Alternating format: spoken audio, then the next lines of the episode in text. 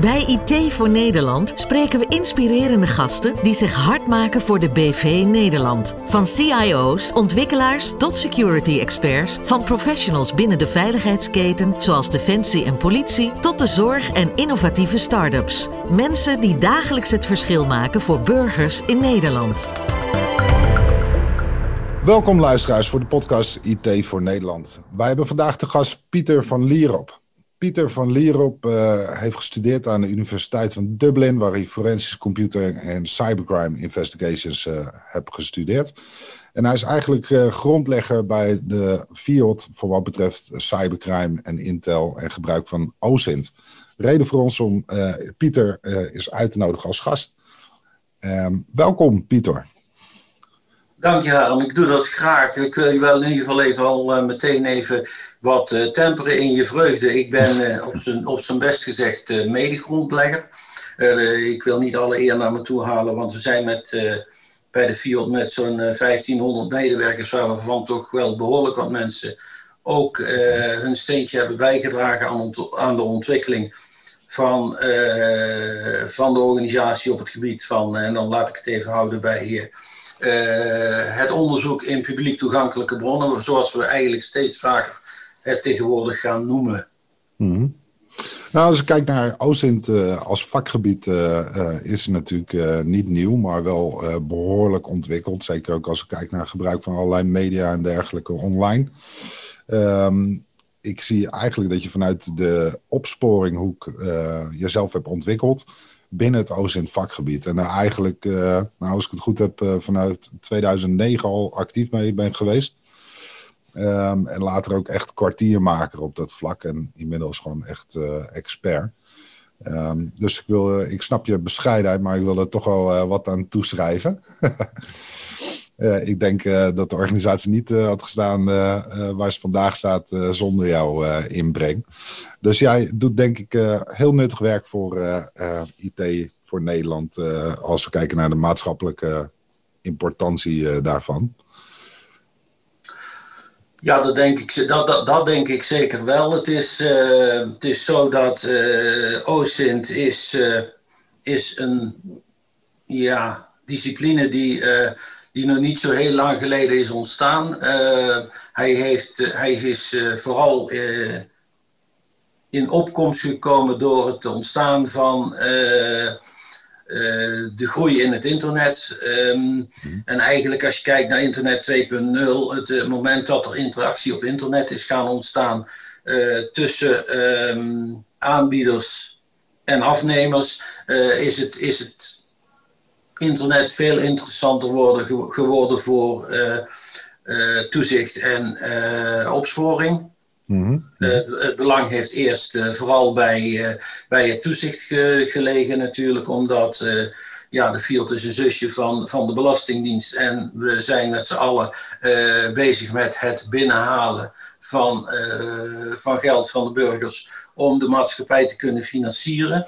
En uh, ja, helaas uh, zijn er ook mensen die daar niet, niet echt vrijwillig aan medewerken. Dus we, van daaruit is het eigenlijk ontwikkeld.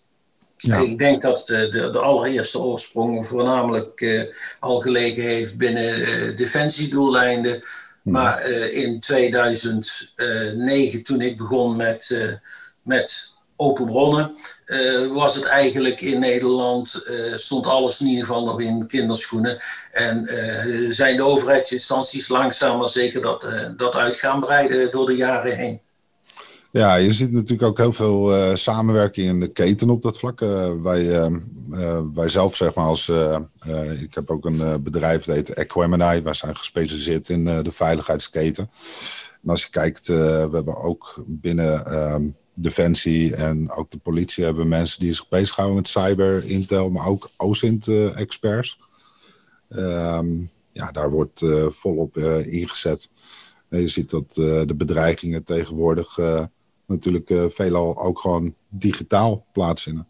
En als we kijken naar de criminele organisaties, ja, dan zie je dat die natuurlijk een financiële lucht ook uit zaken halen die het daglicht vaak niet kunnen verdragen. En daar, nou, daar ben jij denk ik als je kijkt zeg maar, met wat de wereld daarin doet, heel erg belangrijk bij het, het wind uit de zeilen nemen, zeg maar, daarvan. Ja, we zijn, dat, ook dat is een uh, nieuwer aspect in, uh, in, het, in, de, in het hele vakgebied. Uh, daar waar het vroeger ging, uh, veel meer ging nog om het vinden van, van bewijsmiddelen.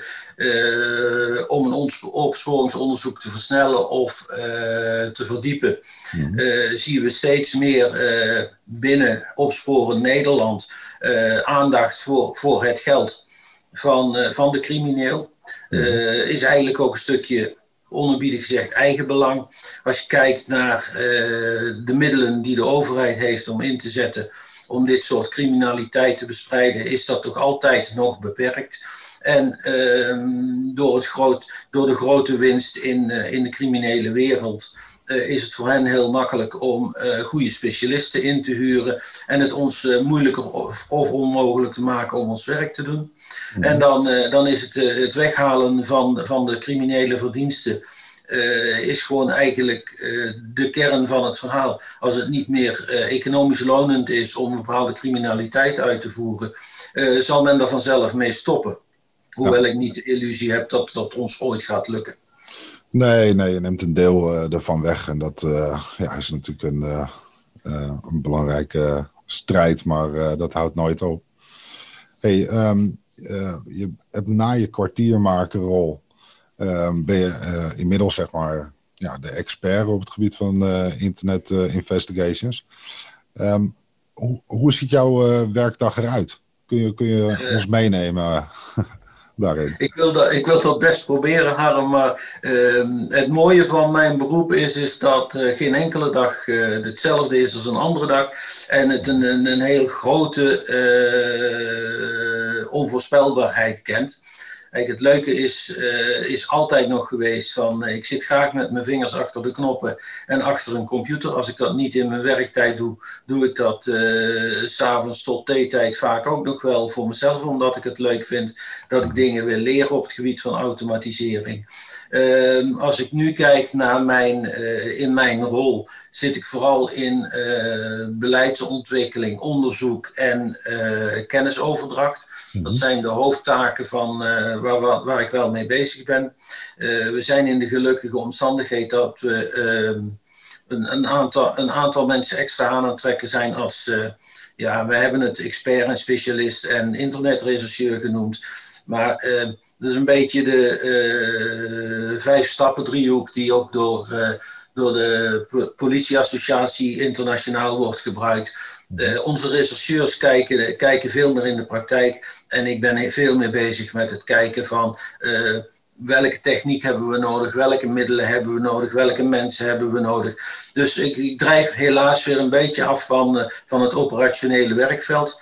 Maar van de andere kant is dat uh, denk ik ook een, een, natuurlijke rol. Als je, als, je lang, als je zo lang in de overheid meeloopt, dan uh, gaat iedereen naar je kijken van wat vind jij ervan? En gelukkig luisteren in de meeste gevallen ook vrij goed. Dus ja, het kan zomaar zijn dat ik s morgens om, uh, om, negen, om acht uur of negen uur mijn werkdag begin. En dat ik eigenlijk van plan ben om een stukje zelfontwikkeling te doen door door uh, wat podcasts te gaan luisteren van Ocean Curious of uh, wat cursusdelen van uh, cursussen die we gebruiken van internationale grootheden als Michael Bezel en, en eventueel Sans. Dat, we gewoon, dat ik daar naar wil gaan kijken. En dat ik vijf minuten later word gebeld door een, door een, door een collega om een advies uit te brengen. En vervolgens. een, een, uur later weer het de vraag krijg van iemand die aan het experimenteren is.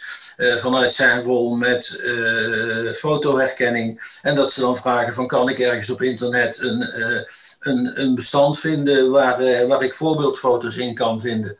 en, weer, en weer een volgende moment word ik gevraagd om, om mee te denken in een gro groot voorbereidend onderzoek naar een bepaalde criminele organisatie van hoe zouden we dat op het gebied van uh, internet uh, open bronnen um, onderzoek uh, het beste in kunnen steken.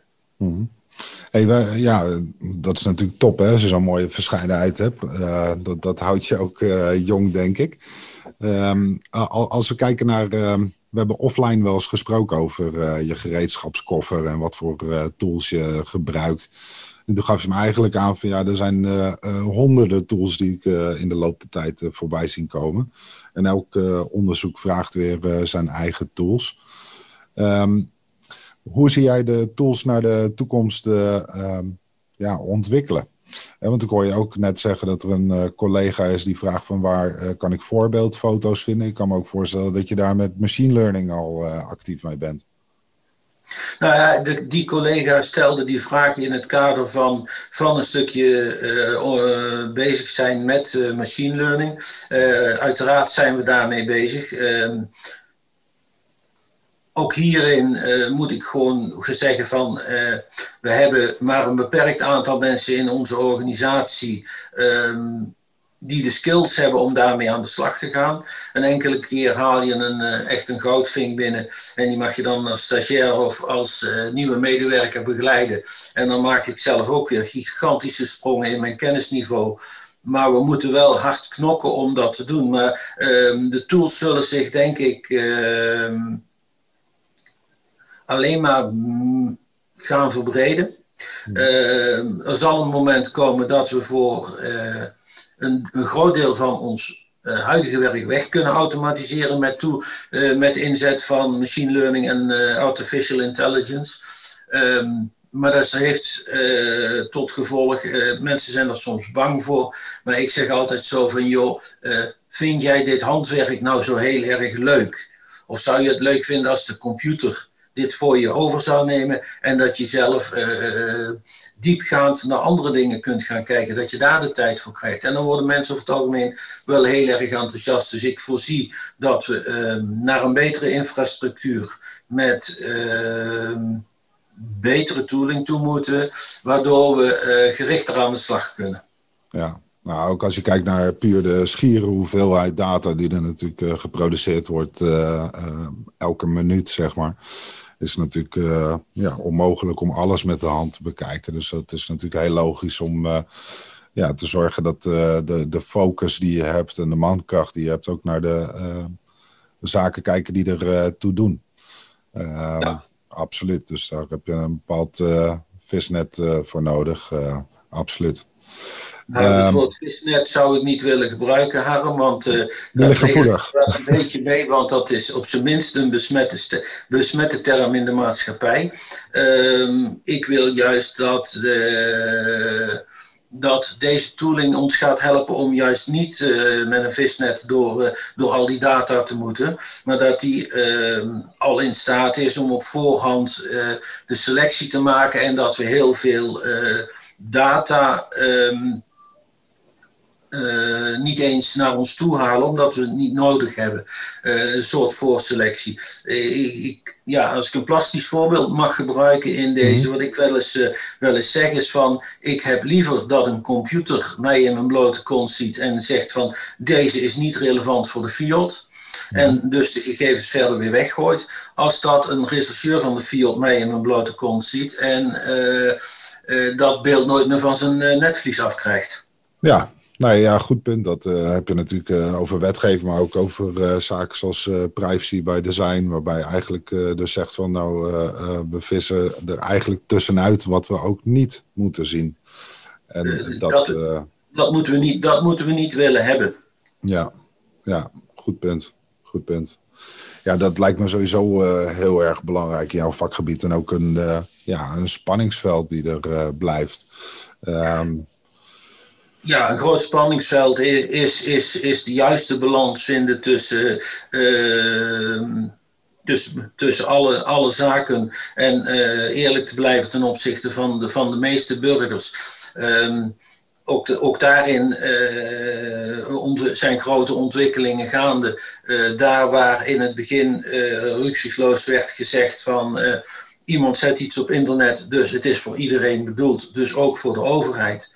Uh, dan zien we toch een verschuiving naar van ja, maar we moeten wel uh, daar realistisch in zijn. Want uh, heel veel van de mensen die dat doen, beseffen niet dat, dat ze het op die manier voor iedereen beschikbaar stellen. En hebben ook nooit de bedoeling gehad om, om dat zo te doen. dus moeten we daar ook de juiste afwegingen in belangen maken.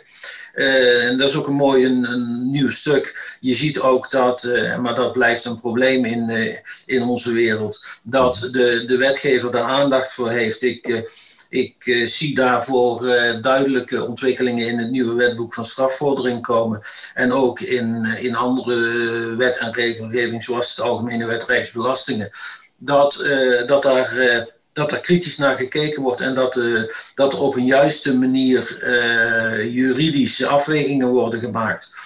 Maar ja, dat blijft ook wel altijd ons, onze handicap. Daar waar een, een onderzoekscollectief als Bellingcat heel veel kan en mag op, op internet. Mogen wij dat niet. Wij hebben gewoon onze, onze wettelijke kaders en beperkingen. En ja, soms zouden we meer willen. Soms kunnen we meer dan dat we mogen. Ja, dat, dat zijn de spanningsvelden op, op, op juridisch gebied waar we vaak tegenaan lopen.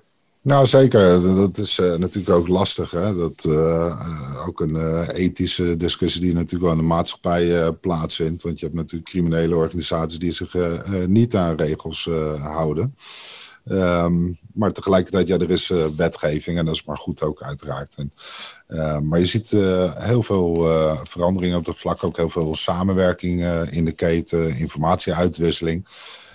Waardoor ook als je kijkt natuurlijk naar data, uh, nou, de field bekijkt vanuit een perspectief, zo bekijkt de politie weer vanuit een perspectief, het OM, et cetera. Um, en, en, samen, wanneer die data samenkomt, ontstaat er ook een rijker beeld, informatie. Ja, het is niet, niet alleen de data de, waar we ons kunnen verrijken. Uh, ik ben een groot voorstander van, uh, van samenwerken binnen, binnen ja, ze noemen dat vaak de keten. Ik vind keten eigenlijk niet helemaal het juiste woord, omdat het, uh, dat eigenlijk meer een, een groot netwerk is. Omdat je vaak op, op gelijk vlak zit, zit te onderzoeken. Mhm. Maar eh, wat ik nog jammer vind, is dat we vaak eh, vier keer het wiel uitvinden. Dus dat probeer ik, eh, probeer ik ook mijn ogen en mijn eh, netwerk voor te gebruiken. Om te zorgen dat we niet alleen data met elkaar delen, maar ook eh, kennis en kunde. En eh, onderzoek naar tooling. En dat we proberen als Nederlandse overheid zo economisch mogelijk met het belastinggeld om te gaan. zonder dat dat leidt tot verspilling. Omdat uh, vandaag de politie een contract afsluit met een leverancier en wij dat morgen vervolgens ook weer doen. Ik uh, zie, voorzie veel meer voordelen van overheidscontracten in zijn algemeenheid. Want heel vaak zitten we bijna op dezelfde tooling of helemaal op dezelfde tooling. Dus daar is nog wel, daar is nog wel wat winst te behalen. Zeker. Wij zien ook het, als je kijkt naar de ontwikkeling van tools, zie je eigenlijk ja, ook uh, um, de field is natuurlijk redelijk gecentraliseerd, maar ook als we bijvoorbeeld kijken naar de politieorganisatie, ja, dat komt natuurlijk vanuit een heel decentraal model, waarbij een, uh, iemand die regionaal ergens actief is, wellicht bepaalde tools helemaal niet kent of dat in zijn uppie zit uit te vinden. En die uh, ja, informatieuitwisseling, dat zou natuurlijk veel handiger kunnen. Dus we hopen daar op een gegeven moment ook een rol in te kunnen spelen. Maar daarin zie je ook inderdaad dat ja, vanuit ons perspectief als leverancier, ik hoorde net al zeggen van ja, lastig om goede mensen te krijgen. we zijn wel eerder bezig geweest met de Belastingdienst. Maar dan zie je eigenlijk dat, ja, dat toch hele grote mantelpartijen binnenkomen die, eh, die het ons eh, als eh, expert, zeg maar, niche-partijen ehm, in de veiligheidsketen dan toch ingewikkelder maken. Ehm, om dat ook kostefficiënt bij jou te krijgen.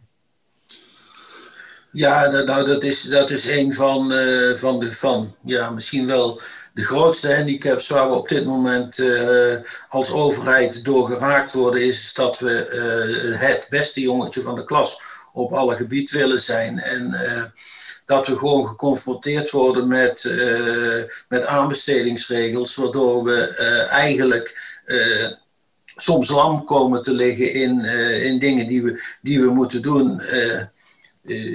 ja.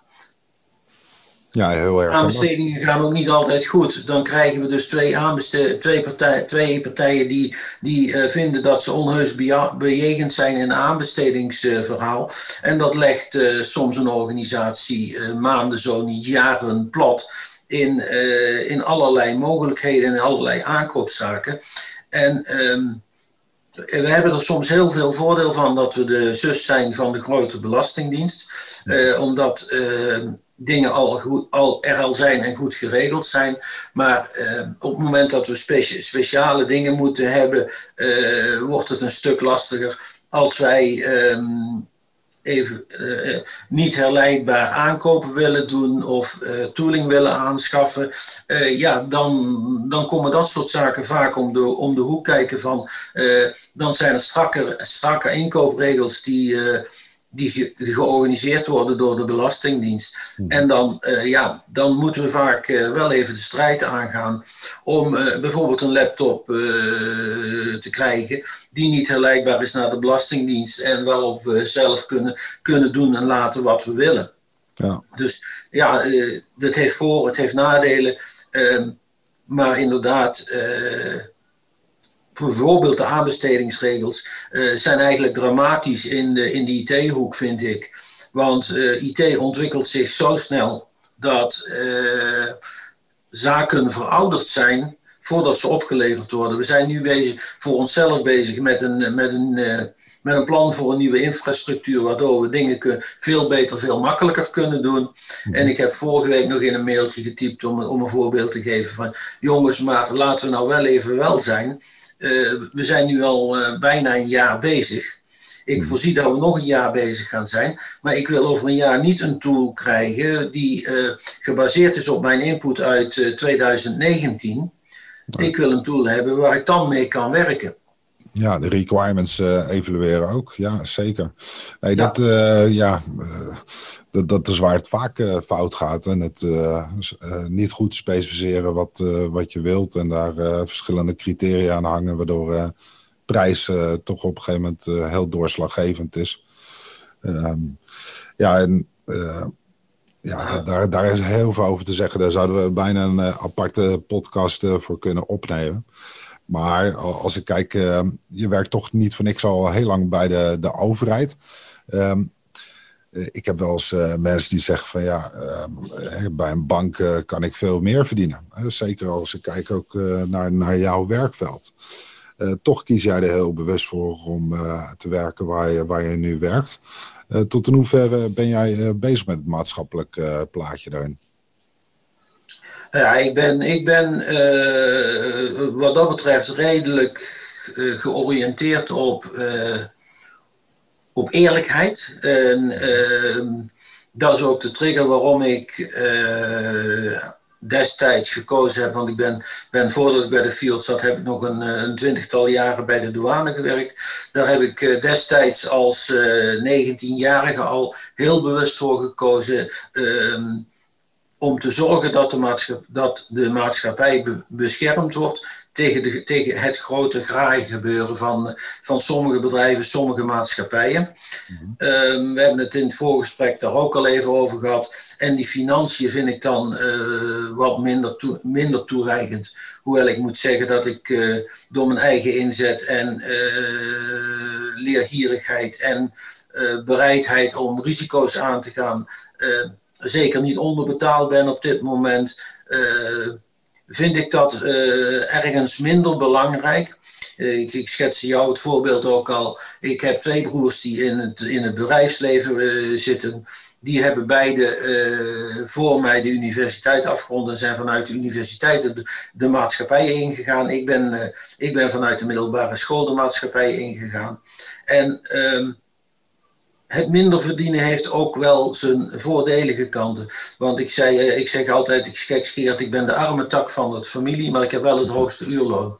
Omdat, uh, de, omdat de overheid ook uh, veel, veel faciliteert en veel vrije tijd kent. En ik vind, ik een beetje een dooddoener, maar ik leef niet om te werken, maar ik werk om te leven. En als ik genoeg heb, dan vind ik het eigenlijk wel vind ik het prima. En dan ga ik, uh, net als wat ik vanmiddag of straks ga doen, het, het zalig om met mijn vrouw te kunnen zeggen van we gaan een rondje door, door, door de polder lopen bij ons en we gaan even het poollandschap bewonderen. Dus de overheid kent kent ook daarin zijn nadelen en zijn voordelen. De, elk voordeel heeft zijn nadeel en elk nadeel heeft zijn voordeel, zei Johan Cruijff al. Daar kun je heel veel, daar kun je heel veel, mee, heel veel mee doen. Uh, ja, soms zijn dingen onhandig, onmanoeuvreerbaar en heel star. Maar uh, aan de andere kant heeft het ook heel veel voordelen, omdat die starheid ook een stukje garantie biedt dat als het niet nodig is, dan word ik niet in het weekend gebeld. Nee. En in het bedrijfsleven uh, ben je gewoon zeven dagen, 24 uur per dag uh, uh, voor dit soort salarissen in ieder geval bezig. Ja, nou dat, dat, dat, zeg je denk ik heel mooi. Kijk, wij, wij zelf kiezen er ook voor om eigenlijk altijd te kiezen voor organisaties met een hele duidelijke maatschappelijke taakstelling. Uh, kom een beetje voort vanuit uh, de veiligheidsketen. Doen we al steeds meer ook andere organisaties, maar dat is wel echt een rode draad daarin. We kiezen ook heel erg bewust om niet te werken voor de bank, maar uh, voor andere mooie organisaties. En um, wat ons denk ik deels heel succesvol maakt, is dat we niet alleen kijken naar de hard skills, soft skills, dat soort dingen, maar ook echt naar de intentie en de, de culturele fit. Um, en je ziet eigenlijk dat er ook wel steeds meer mensen gelukkig zijn die uh, ja, dat gevoel ook wel delen. Vaak hebben ze wel al de ervaring bij het bedrijfsleven. En um, soms speelt het uh, heel nadrukkelijk een rol, ook in de fase van iemands leven, dat je die werk-privé-balans ook uh, beter wilt. Die je inderdaad eerder ook vindt bij een overheidsinstelling. Maar je ziet ook steeds vaker dat mensen gewoon zeggen: ja, ik eet niet een biefstuk minder. En ik ga veel liever zelfs ook iets verder rijden naar mijn werk als ik maar met plezier naar mijn werk ga. En ook uh, een positieve impact kan maken. Dat, ja, dan haal je een heel andere drive uit je werk. Ja, ik, ik, denk dat het bij ons draait het meer om het algemeen belang en niet het belang van een aantal grootkapitalisten. En dat, dat, zie je bij, dat zie je bij banken ontstaan, maar je ziet het ook bij, uh, de, de grote farmaceutische concerns en dergelijke. En die betalen allemaal veel en veel meer. Maar of je daar dan uh, je werk met veel plezier doet en met veel overgave doet, of dat je daar alleen naartoe gaat, omdat je dan inderdaad aan het eind van de maand uh, wat meer geld krijgt, ja dat is een afweging, denk ik, die voor ieder van ons, uh, ons uh, geldt. Ik, ik, ik zie wel, en zeker nou met, uh, met, met deze ellendige omstandigheden van deze pandemie, dat, dat er een verschuiving plaatsvindt naar het sociale. Mijn vrouw zei dat gisteren nog. Een hele opvallende is, is dat als we nu gaan wandelen, dan zegt iedereen, iedereen tegen elkaar: Goedemiddag, goedemorgen, goedenavond. Uh, trouwens, avond, dat kan niet, want dan zijn we in de avondklok. Maar in ieder geval, de, uh, het sociale aspect van de maatschappij is wel weer een, uh, heeft wel weer een boost gekregen hierdoor, vind ik. Ja, nou ja, toevallig uh, zien we ook mensen uit het uh, bedrijfsleven die nu uh, aan de lijve op een pijnlijke manier ondervinden. Dat een stap naar een organisatie waar wij voor staan, ja, toch, ehm, ja, er is eigenlijk niks vitalers. En dat gaat uh, altijd door. Dus, uh, uh, en ook een geluk voor ons. Hè. Kijk, we doen dan vanuit een andere intentie. Maar stel we hadden voor een grote luchtvaartmaatschappij of Shell of iets dergelijks gekozen als grote klant. Ja, dan, dan, dan waren we wellicht nu ook klaar geweest. Dus dat, ja, dat, dat merk je wel. Dat, dat heeft impact. En daardoor is ook toch wel tijdelijk meer beschikbaarheid ook wel. we zijn eigenlijk van een heel krappe arbeidsmarkt naar toch wel een ruimere arbeidsmarkt gegaan. Ehm, dat dat uh, speelt allemaal mee. Er is uh, toch wel een hele shift uh, gebeurd. Ja, terwijl je, terwijl je toch ook wel steeds vaker ook ziet dat mensen de, bewust de keuze gaan maken om het onder eigen vlag als de vlag als ZZP'er te gaan doen. Ehm, omdat ze dan meer de vrijheid krijgen om hun opdrachtgevers te kiezen. Uh, dus natuurlijk, en ik vind dat een, op zich nog een heel goed alternatief. ik ben zelf naast mijn fulltime baan ben ik ook ZZP'er. En met al mijn kennis en kunde ben ik, ben ik bereid om die kennis en kunde beschikbaar te stellen aan, aan andere partijen. Omdat omdat ik eh, vind dat we dat aan elkaar verschuldigd zijn. En ik zie in mijn omgeving zie ik steeds vaker mensen die ZZP-rol pakken, omdat ze dan meer vrijheid krijgen om, om, om zichzelf in te zetten voor, voor functies en rollen die, die, die, die, die beter liggen als de, als de, de, de groot geldrollen bij, bij multinationals. Ja, want nou dat zijn uiteindelijk degenen die uh, tot voor kort de markt overheersten en de salarissen opdreven. En je ziet nu gewoon dat mensen kiezen voor, voor het iets minder kunnen doen. Op een gegeven moment is het wel genoeg. Ja. Nou ja, daar dat... komt bij dat ook het thuiswerken je een, ja, een grote impact heeft. Ja, en ook het geografische deel, uh, wat dat betreft zeker. Kijk, ik bedoel, uh, soms hebben we ook wel te maken met bepaalde uithoeken, of nou Apeldoorn is bijvoorbeeld. Ja, daar dan, moet, dan moet je een beetje in die regionen natuurlijk iemand zoeken. Maar als nu een tijdelijke klus is, ja, dat zou net zo goed iemand uit Amsterdam lachend kunnen doen, uiteraard. dus wat dat betreft, ja, dat speelt ook mee. Ja. Absoluut. En, qua werk-privébalans, uh, uh, absoluut al ken dat ook alweer uh, uitdagingen. Zeker mensen die kinderen hebben.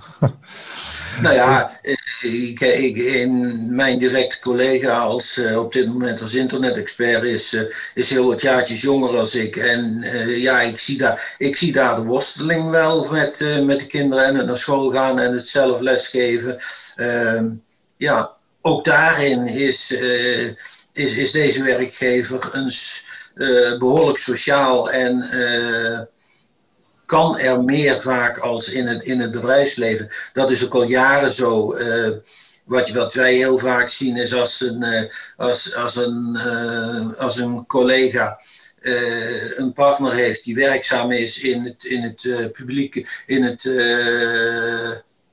dan moet ik het goed zeggen, in het private domein. Eh, dat het de, de partner uit het publieke domein is die kinderen opvangt als ze ziek zijn eh, en dat soort zaken.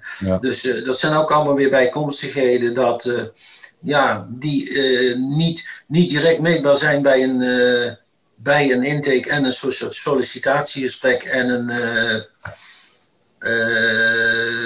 gesprek over arbeidsvoorwaarden. Hmm. Maar die zijn er wel degelijk. Dus wat dat betreft uh, is, is de goede werkgever om voor te werken geweest voor mij inmiddels 43 jaar. Uh, ik uiteindelijk ben, je zei, ik heb gestudeerd aan de Universiteit van Dublin. Daarbij zei je er niet bij dat ik dat nu ongeveer zeven jaar geleden op mijn 55ste heb gedaan. Maar dat had ik niet, denk ik niet zo makkelijk gekund als ik niet bij deze werkgever had gezeten. Want je hebt gewoon ook daarvoor uh, goede faciliteiten. Dat als je iets, uh, iets wilt gaan doen aan je eigen ontwikkeling, dan kan dat over het algemeen ook. Ja. Als we kijken naar jouw ontwikkeling, hè, want ik bedoel, um, uh, ondanks je leven ben je, gewoon sta je niet stil. Um, ik hoorde je ook al zeggen van ja, een, um, een SANS hoorde ik je even roepen. Ja. je hebt natuurlijk nee, behoorlijk doorgeleerd in het forensisch cybercrime gebeuren. Um, zijn er andere vlakken waarop je uh, nog doorontwikkelt? Wat voor soort uh, cursussen kijk je bijvoorbeeld naar als ik het heb over SANS of dat soort uh, zaken?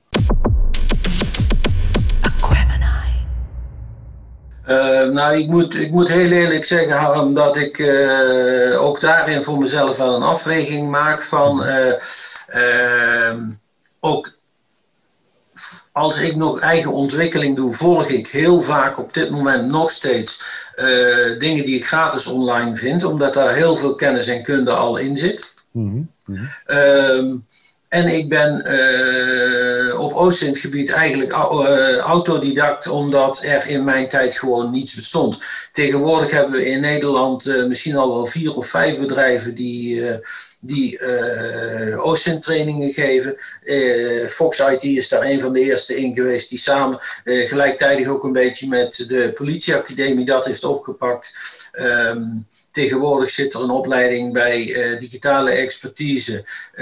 Die is ontstaan uit uh, anderhalve ZZP'er die een bedrijfje hebben opgezet en dat uiteindelijk door de digitale expertise is opgekocht. Een, een oud stagiaire van de Fiat heeft uh, Aware Online inmiddels uh, van de grond getild. We hebben de IAK en zo zijn er tientallen. toen ik in 2009 begon, waren er geen opleidingen. En uh, mijn ontwikkeling is dus ook altijd uh, heel veel vanuit uh, dat vlak geweest, dat ik alles zelf, mezelf eigen heb moeten maken. Ehm, ik mis het wel eens bij de huidige nieuwe instroom, dat mensen alles willen leren en niet zichzelf willen ontwikkelen. Maar aan de andere kant is het ook wel een goede ontwikkeling dat er die opleidingen zijn. Ehm, ik kan heel veel kennis en kunde overdragen aan mensen. Mm in, investeren in, uh, in dure opleidingen doe ik eigenlijk al niet meer, omdat ik uh, het belangrijker vind dat de generatie na mij daarvoor de ruimte heeft. Ik, een opleiding van, van het niveau van Sans kost veel geld. En die brengt, geen, die brengt weinig rendement meer voor, uh, voor mij, omdat uh, 90% wat die op. Nou, ik moet het anders zeggen, dat uh, 50% van de opleiding die daarin zit, die, uh, die is op Amerika gericht, dus is minder relevant voor Europa. Mm -hmm. En van de overige 50% denk ik dat ik uh, 45% uh, beheerst en met mijn vingers in, in mijn neus kan doen als ik dat wil. Ja, ja, ja. En dan heb ik liever dat iemand die nog, uh, nog 10, 15, 20 jaar in dat werkveld aan de slag moet, zo'n opleiding gaat doen. En ik ben ook een groot voorstander van uh, trainen, train on the job, training on the job en trainen trainer. stuur twee mensen naar zo'n SANS-opleiding en laat ze de, de de essentie uit de opleiding halen en dat aan de collega's vertellen. Zodat we, dat we kennisspreiding, uh, aan kennisverspreiding doen. Uh, zonder dat dat moet leiden tot ja, opleidingen die eigenlijk toch wel behoorlijk kostbaar zijn. daar waar ik begon in 2011, denk ik, met, met, met contacten met die, met die, met die anderhalve trainer. Die, uh, die nu de cursus, tenminste waar nu de, de credits voor bij digitale expertise liggen, praten we over hele andere bedragen. Dat waren ook mensen met een bepaalde ideologie die zeiden van als ik een cursus geef, dan moet ik ongeveer zoveel aan verdienen, want dan zijn mijn boterhammen veiliggesteld. Mm -hmm.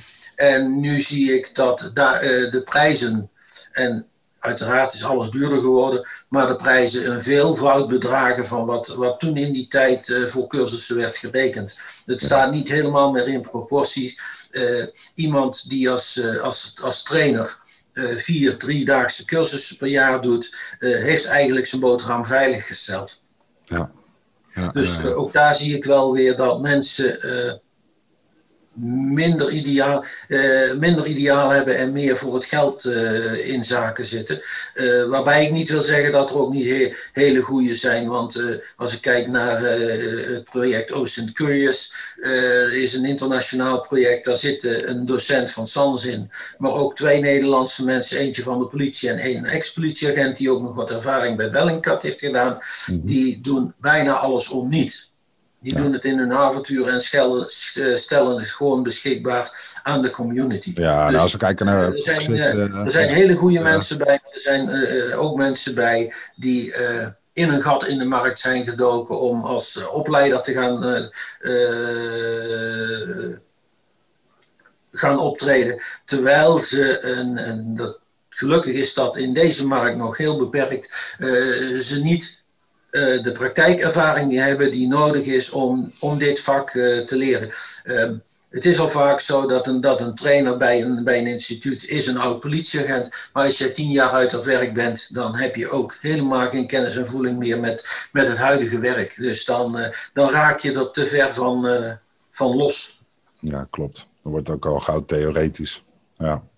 ja. Um, ik denk dat dat ook heel waardevol is als je kijkt naar uh, um, ja, huidige kennis en kunde en ervaring. Hè, dan kun je ook uh, dingen praktisch ehm, sprekende voorbeelden kun je bij de materie halen, waardoor stof tot leven komt. Dat is denk ik heel waardevol. Um, als we kijken naar, naar het vakgebied en ontwikkelingen. Kijk, jouw, jouw vakgebied is er eentje dat staat echt niet stil. Um, sowieso is ICT natuurlijk dynamisch. Um, hoe, hoe, zie je het ontwikkelen? Want ik bedoel, eh, ik kan me ook voorstellen dat je ook denkt aan zaken zoals ransomware. Ehm, eh, je hebt natuurlijk uh, andere vlakken waar veel fraude op plaatsvindt. nou, bekende is tegenwoordig natuurlijk wat burgers raakt, WhatsApp-fraude. Ehm, hoe, hoe zie je dat soort dingen ontwikkelen?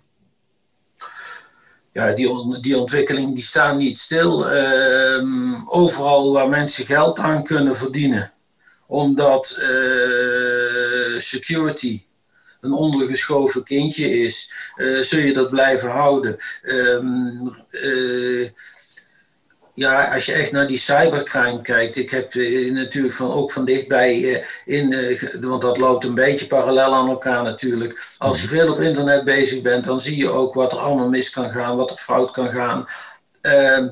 Ja, die ontwikkelingen staan niet stil, die gaan razendsnel. Um, de criminelen verdienen miljoenen en als wij die niet afpakken, investeren ze die miljoenen weer om die miljoenen weer uh, te verveelvoudigen. Uh, door goede mensen in te huren om uh, nieuwe, nieuwe gaten te vinden en mogelijkheden om weer meer geld te verdienen. Het, het, is, het en blijft een beetje een red race. Maar daar zou ik ook best wel op de, uh, een beroep willen doen op de, en vaak dan private partijen, om daar meer aandacht aan te besteden. Um, het is leuk dat we een, koffie, een, een waterkoker hebben die we uh, op afstand aan kunnen zetten met onze telefoon.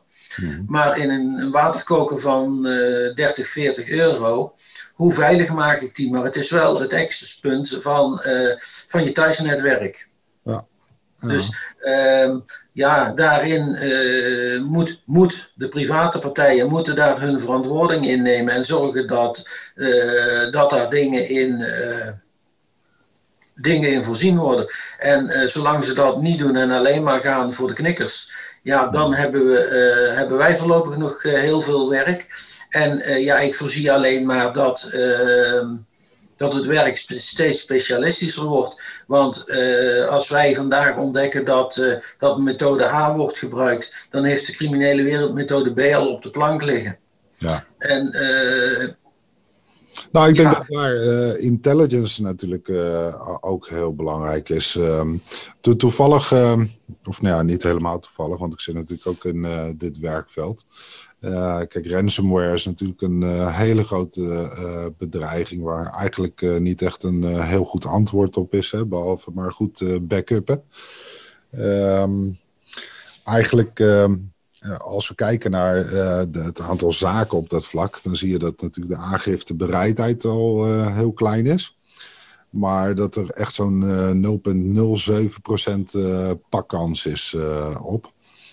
Nou, en eigenlijk ehm, ben ik nu bezig met een uh, tool uh, waarbij je eigenlijk zeg maar kan rapporteren. die kan eigenlijk vaststellen dat zo'n attack daadwerkelijk heeft plaatsgevonden. dus dat is één vraag. Anderzijds laat hij dan direct zien welke vector, qua aanvalvector zeg maar, um, wie de bedreiger is geweest, maar ook wat um, voor currency en dat soort dingen zijn gebruikt. Um, en welk patroon daaraan uh, ten grondslag ligt. Hè. Er zit ook een uh, patroon in uh, de data. Dat ja. je een soort signature krijgt. Ook welke file-extensie, dat soort zaken. Die worden daar allemaal in vastgelegd. Waarbij het daarna weer um, objectief, dus niet meer herleidbaar wordt tot een individu of bedrijf waar die attack heeft plaatsgevonden. Um, wordt dat weer verzameld. En die data kan bijvoorbeeld weer jou dan uh, gebruiken in jouw uh, uh, werkveld. Maar zo zijn er natuurlijk een heleboel in de keten die daar baat bij hebben. Ja. zodat we een grotere vuist kunnen maken. Ja, dat soort initiatieven zien we gelukkig steeds vaker gebeuren. Um, wij zijn op dit moment ook gaan kijken van wat kunnen wij met, een, met de database die bepaalde partijen ons laten zien op het, over het oprichten van, van nieuwe websites. Om te kijken of we niet tot een model kunnen komen dat we eigenlijk al op het moment van registratie uh, een risicoscore aan een, uh, aan een nieuwe domeinregistratie uh, kunnen geven. Waardoor we eigenlijk op dat moment al zouden kunnen acteren van ja, maar wacht even. Ehm, hier is een 99% scorekans dat het een, een malafide website is. Dus daar moeten we actie op ondernemen. Ik denk dat we ehm, ons ook inderdaad als maatschappij ehm, serieus moeten nemen en zorgen dat we, dat we aan de voorkant komen en uh, ja, het eigenlijk al economisch minder interessant maken om fraude te plegen. Omdat je eigenlijk uh, uh, je kosten nooit meer terug kunt verdienen. Uh, op het moment dat, een, dat het in de lucht gooien van een website 250 euro kost. Hmm. En die 250 euro is, is niet meer terug te verdienen, omdat, omdat wij eigenlijk al meteen op een knop drukken van stop, deze moet uit de lucht of mag voorlopig niet zonder vooronderzoek de lucht in, ja, dan, dan is het ook niet meer interessant voor die criminelen om, om dat soort websites te registreren. Dus voorkom, sluit je de weg naar, naar, naar criminaliteit al in de voorfase af. En dat, ja, dat, zal nooit waterdicht zijn. Maar preventie naar, uh, naar zaken zoals DNS. Je zou zelfs kunnen uh, bedenken dat net zoals een Extended Validation SSL-certificaat, waarbij je dus net zoals je simkaart tegenwoordig ook hebt, dat geregistreerd moet worden. dat is al herleidbaar naar een persoon en of organisatie. Dat je eenzelfde soort certificering nodig hebt om überhaupt al te kunnen een DNS te kunnen registreren. En, ja, uh, dat, dat, soort zaken, dat, eh, dat zou het allemaal makkelijker maken. Het moet ook niet, het moet ook niet uh, zo zijn dat, uh, dat het tot, tot een verstarring van het geheel ja. gaat leiden. Maar er moet in, een balans worden gevonden. En, maar ik zie meer kansen in preven, aan de preventiekant als aan het dempen van de put als het kalf verdronken is. En wij zullen nooit werkeloos worden als opsporingsinstanties. Daar ben ik helemaal niet bang voor, want wij uh, uh, mensen zijn inventief en creatief, dus die gaan altijd uh, nieuwe mogelijkheden zoeken, waar wij dan toch weer pas vaak achteraf achterkomen. Maar als we gewoon al de, ehm, het laaghangende fruit onmogelijk maken, krijgen we ook tijd en ruimte om iets aan de, aan, aan de serieuze zaken te doen. Ja. Ja, en veel uh, leed uh, helpen voorkomen. Hè? Want ik bedoel, uh, een info koppelteken rabobank.com. ja, dat wordt natuurlijk met phishing, dat soort dingen natuurlijk... Ehm, ja, komt het steeds betrouwbaarder over voor een niet oplettend persoon. Maar als je natuurlijk al zo'n domein uit de lucht kan halen... want dat riekt er natuurlijk van tevoren al. Ja, de, dat, dat, maar dat is het kromme dat ook daar kijkt het bedrijfsleven nog helemaal niet naar. Uh, ik heb, ik heb in uh, een jaar of twee terug had ik een aanvaring met, uh, met, met de, de grootste toeristenbond van Nederland. Omdat ik een factuur binnenkreeg. En die factuur werd uitgezonden via een, een domein wat bekend stond voor cyberfraude. Dus ik zeg, waar zijn jullie nu mee bezig? En dat vonden ze heel raar dat ik, als, dat ik als klant van hun zei van ja, maar je gaat mijn factuur toch niet via de mail sturen. Uh, via een, partij die, die een twijfelachtige reputatie heeft. Want uh, bij mij sloegen alle alarmbellen aan. Dat zou bij 99 van de 100 klanten van hun niet het geval zijn. Maar ik ben wat dat betreft een beetje paranoia en kijk, uh, kijk door. En dan denk ik van ja, maar we moeten ook het goede voorbeeld geven. We moeten ook onze, uh, zorgen dat onze klanten op ons kunnen vertrouwen. Zeker, zeker. En dat houdt in dat uh, rabobank.ni niet geregistreerd moet kunnen worden. Nee, eens. Eens. Nou, zo. Uh, ik denk dat dat uh, op zich wel een hele mooie afsluiter is, want het werkveld houdt nooit op. En ja, ik denk dat we uren door zouden kunnen praten. En, uh, maar, wellicht kunnen we nog eens een keer een specifiek, specifiek topic onder andere nemen als, dat, dat, dat lijkt me als de algemene topics uh, wat opgedroogd zijn. Ja, en uh, als ik jou nou, ehm, een mooie slotvraag, als ik jou nou over drie of vijf jaar uitnodig als gast. Ehm, vraag wat heb je bereikt? wanneer kun je dan zeggen, ik ben klaar, ik, ben, ik kan met trots terugkijken op mijn werk? Uh, ik denk dat ik dat punt nu eigenlijk al wel bereikt heb, Harm. Ik heb, uh, ik heb denk ik uh, door al het werk wat ik gedaan heb door de jaren heen best veel gedaan voor, voor de BV Nederland en al mijn medeburgers. Mm. ben ik ooit klaar mee? Ik zal waarschijnlijk in zoverre nooit klaar zijn. Ik zal het op een gegeven moment los moeten laten, omdat, omdat ik een punt bereik dat ik het ja, dat, dat ik in een andere levensfase ben, dat ik dat niet meer kan en niet meer, niet meer ja, het zal niet willen en kunnen zijn, maar dat het, uh, dat het eigenlijk gewoon uh, niet, niet meer bij te houden is. Mm uh, dus ik ben tevreden met wat ik tot nu toe heb bereikt. als ik kijk naar dat ik, dat ik toch binnen de Fiat de onderwerpen OSINT en cybercrime aardig op de agenda heb kunnen zetten ben ik, ben ik dik tevreden. Uh, ja, zou, zou je me over vijf, zes jaar uitnodigen, uh, dan ben ik, en dan moet ik het even goed zeggen, inmiddels het ligt eraan een beetje wanneer in het jaar je dat doet, uh, dan ben ik door de, de formele pensioenleeftijd van 67 heen. Dus dan zal ik niet zo, denk ik, niet zo heel actief meer moeten zijn. Maar dan hoop ik dat ik een, eh, een generatie weggezet heb die die dat goed overneemt. En ik zie nu wel de ontwikkelingen dat die, dat dat goed gaat komen.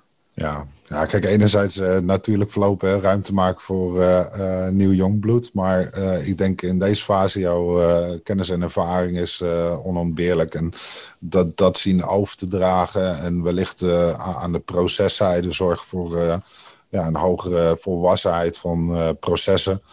Ja, dat maakt straks dat je ook waarschijnlijk met een, een nog beter gevoel daar afscheid van kan nemen.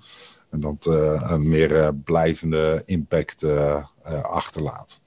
Ja, dat is in ieder geval wel, wel, mijn, wel mijn doel. En ik, daarom ben ik ook, ook, ook op latere leeftijd nog voor mezelf begonnen. kijk, helemaal loslaten, weet ik, weet ik niet wanneer ik dat ga doen. Ehm, ja. Ik, eh, mijn kennis en kunde uh, zal ik zo lang mogelijk beschikbaar houden uh, als adviseur, trainer binnen, binnen, de, binnen de omgeving. En het is nog niet gezegd, maar het is wel zo dat ik ben begonnen in 2009. En tot voor, 2000, voor een jaar of twee terug ja, als je, als je al ooit een training deed of als je al ooit naar een conferentie ging, waren het altijd dezelfde die je zag. En gelukkig zie ik steeds vaker nu uh, jongere en frissere gezichten komen. Maar ik blijf er ook bij dat uh, de wisselwerking tussen, uh, tussen stagiaires die ik uh, al, al jaren begeleid en mezelf, uh, het alleen maar goed is. Ik kan hun veel, heel veel leren, maar zij leren mij ook weer heel veel dingen.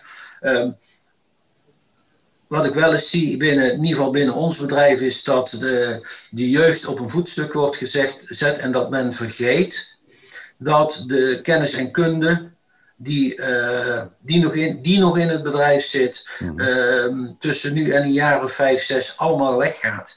Uh, het is een, ik, ik, geloof niet dat, het, dat we de babyboom zijn, maar ik weet dat ik in, in 1978 begonnen ben bij de overheid. En die hele generatie die tussen 1970 en 1984 uh, de vorige generatie heeft vervangen, die gaan nu allemaal weg. En uh, ik merk wel eens dat er te weinig, dat de, de kennis van de jeugd is, is heilig en, de, en het elan, uh, maar de ervaring die, die wordt vergeten. Ja, nou ja, dat, dat is ook iets wat natuurlijk uh, opgebouwd moet worden en uh, daar ligt de toekomst. Maar uh, inderdaad, het overdragen van en dat het goed in elkaar doorloopt, dat, ja, dat is een must. En ehm, daar wordt wel eens te weinig tijd en aandacht aan die processen die dat vraagt, zeg maar, gegeven, mijn gevoel. Ja. En, ehm, nou, ik zou je offline graag eens in contact willen brengen met twee OSINT-experts van ons. Uh, moet je wel beloven dat je ze niet weg probeert te kopen. en uh, ik, ik vond het echt heel erg leuk uh, je als gast te hebben, Pieter. Uh, ik denk dat je onze luisteraars echt wel hebt kunnen inspireren. En ja, we hebben gewoon een prachtig vak. En dan is het heel mooi om jou met al jouw ervaringen daarin eens te mogen spreken. Mijn, mijn dank, Pieter. Is goed. Bedankt ook van mijn kant, Harm. Ik heb weer eens een platform gevonden waarbij ik wellicht uh, mensen inspireren op de, op de, om op de vacatures die, uh, die binnenkort nog weer open gaan gesteld gaan worden te gaan, uh, gaan solliciteren. En wil je meer weten over het bedrijf, willen ze meer weten over een van mijn, van mijn hobby's, zeg ik dan altijd, het de Field of mijn eigen bedrijf, dan kunnen ze zich vrij voelen om contact op te nemen. Hartstikke leuk. Hey, dankjewel Pieter en geniet van de dag en bedankt dat je bij ons te gast wilde zijn. Van hetzelfde, Harm.